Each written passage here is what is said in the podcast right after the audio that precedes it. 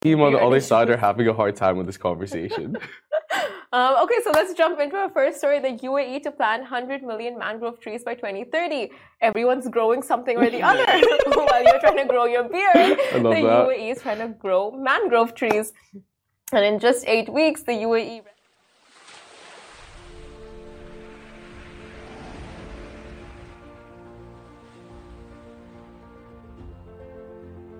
will work to greenify the country and comes as a strategic move to achieve net zero by 2050. And this will further push the country to increase its re- uh, reliance on nature based solutions in facing environmental challenges and to enhance efforts to capture carbon dioxide to mitigate the eff- uh, effects of climate change and to improve adaptation capabilities. That's super cool. And also, Miriam bint Mohammed Almheiri, Minister of Climate Change and the Environment, said through the expansion of mangrove forest areas at the national level, the National Carbon Sesqu-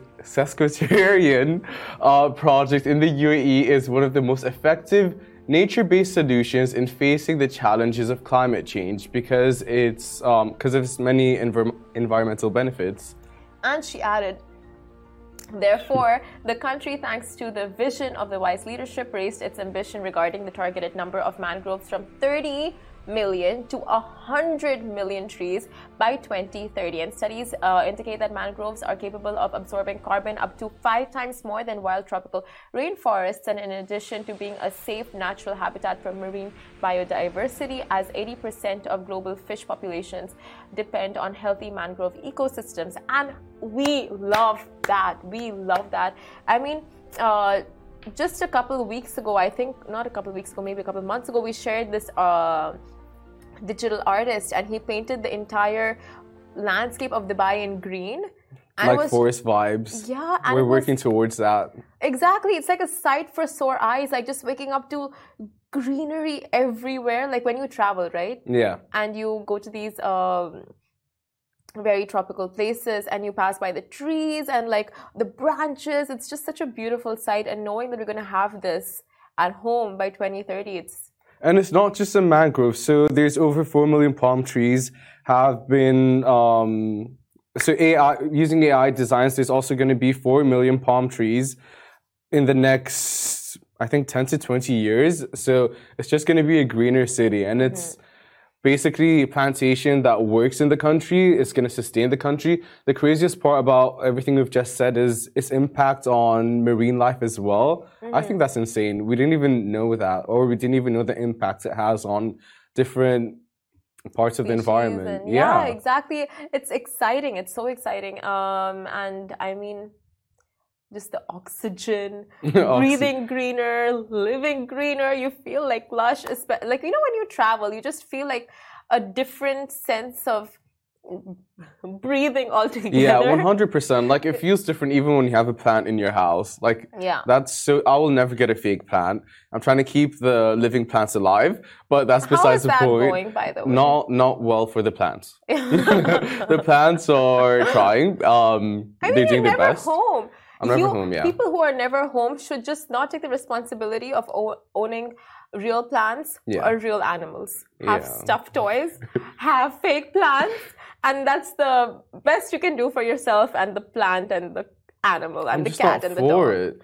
But like I think even having a plant inside the house, it helps with depression, it helps with anxiety, and it's the same like on a global scale. I remember seeing this picture once of um, it was two pictures side by side, two streets, sorry, parallel to each other in New York. One had a row of trees and one didn't have trees. Mhm. Um, the one with trees, it was 23 degrees. The one without trees was 40 something degrees in New York. And I was like, that's actually insane the impact that, like, just plantation Greenery, and nature has on all these small aspects of life that you don't think about. Yeah, and we should definitely be a part of the UAE's initiative to, you know, like greenify the country. And I would love to just, uh, you know, go out and plant trees myself. And like a couple of years down the line, you see, like, oh my God, you planted your tree there, and it's like grown to, like, it's just, um, you know, I get Yeah, you. I want to be that person too, like a compost bin, Yeah. uh, my own like spices and herbs. I wish I wish I was that person. I wish, but I can barely take care of this like mini palm tree that I have. Anyways, moving on to other weather news. So authorities have issued yellow and orange weather alerts. So prepare yourself for sweater weather in full effect, but also proceed with caution as yellow and orange alerts have been issued for the rainfall and temperature drops in the UAE. So temperatures are set to drop to 18 degrees in Dubai and 17 in AD, and the country will see highs of 27 degrees and 28 respectively.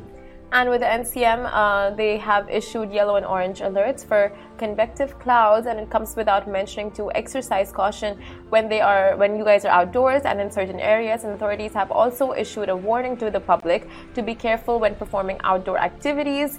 So uh, keep in mind all of the weather changes. Of course, it's flu season as well. Everyone's getting sick out there.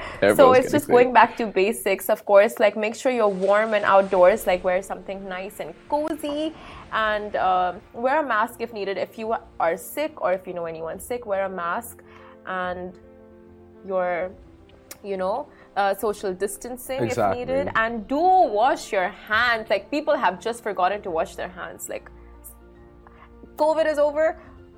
I feel like the more I age, the more I wash my hands. Yeah. I'll wash my hands for nothing. I'll touch my keyboard and go like, oh my god, it's time. you know, like situations like that. But thank God for that. Yeah, with the weather changing a lot, there's a lot to consider, especially when we basically have two different seasons. Yeah. It takes a little bit of like reacclimating to get into the winter season again.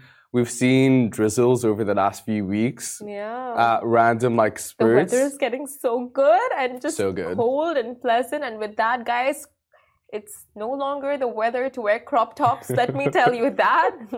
Get yourself sweaters, cardigans, jumpers, hoodies. It's sweater weather, officially sweater weather. But uh, let's jump into Instagram and like say let's hello to all our viewers. The is all about. Okay. I want to know, guys, let us know, people that are on Instagram, what's your favorite thing about winters in Dubai? I was actually just going to ask you this. My favorite thing about winters in Dubai, definitely the festive markets that are everywhere.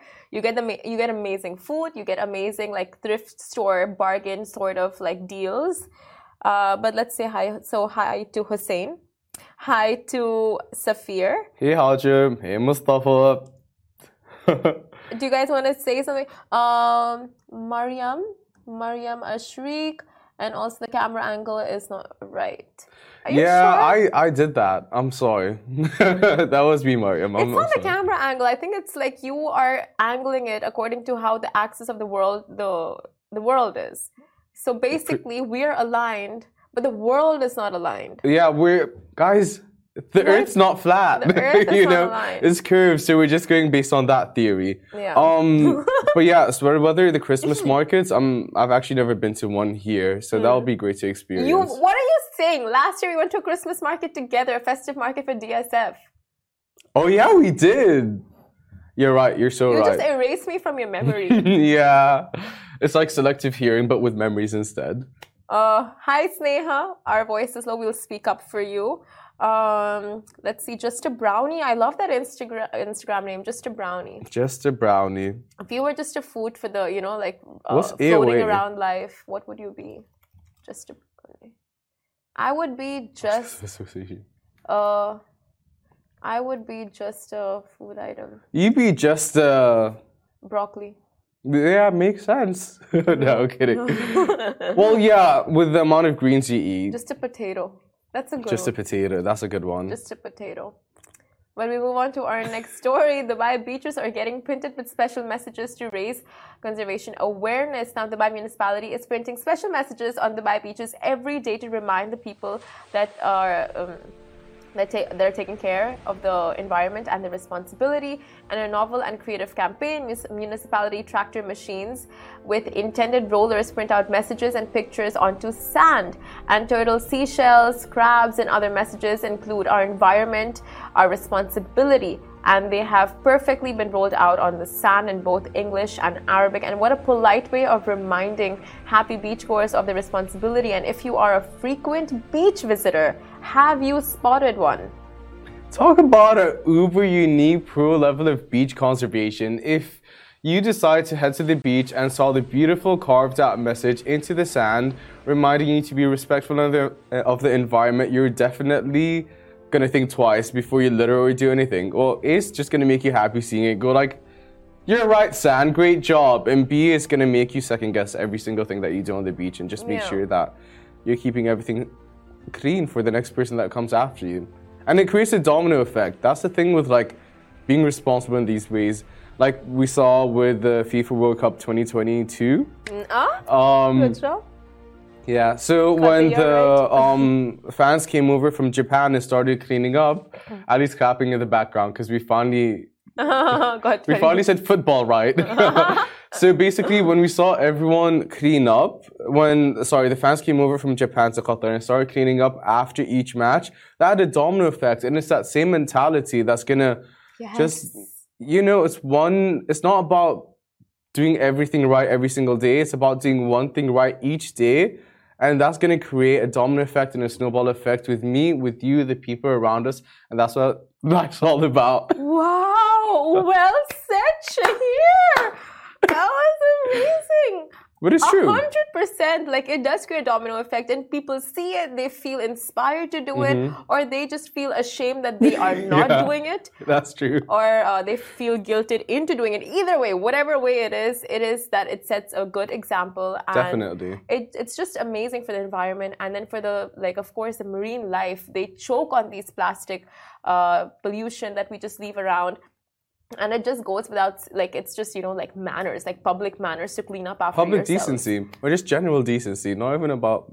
Exactly. It starts off by saving fish, by reducing plastic waste, and then slowly it goes into not eating fish to, you know, save the fish by not eating the fish. Yep, and then the mangrove plantation also helps the ocean life. But we spoke a lot about the climate and weather today, huh? Uh, Amanda says, Hi, Lovin Dubai on Instagram. Good morning, Hi, Amanda. Good morning. Um, damn. a lot of Aisha just joined. Hello, Aisha. Who else is there? Riz, Rizu.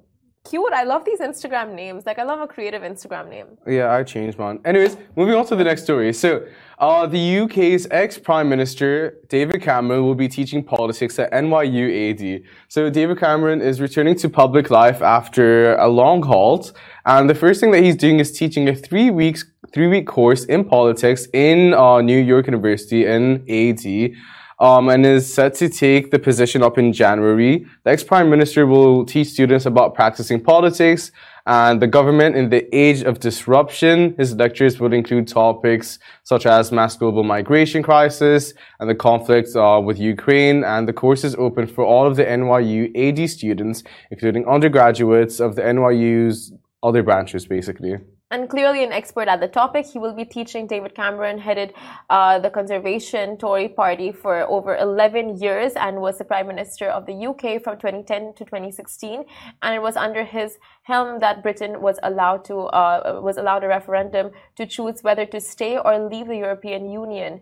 So uh, that's interesting, you know, like getting all of this information and insights from the expert uh, himself. And uh, I mean, honestly, if I was so into politics when um, I first left high school, and this would just be a dream come true for me, you know. Really? Were you? Of course, yeah. One hundred percent. Like, what better than to have an actual ex prime minister teach you giving the you- ropes? Yeah, exactly.